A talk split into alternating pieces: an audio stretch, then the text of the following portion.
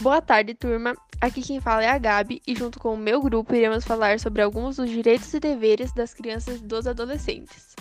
Todos os dados foram retirados do site www.planalto.gov.br. Artigo 2. Considera-se criança para os efeitos desta lei a pessoa de até 12 anos de idade incompletos e adolescentes aqueles entre 12 e 18 anos de idade.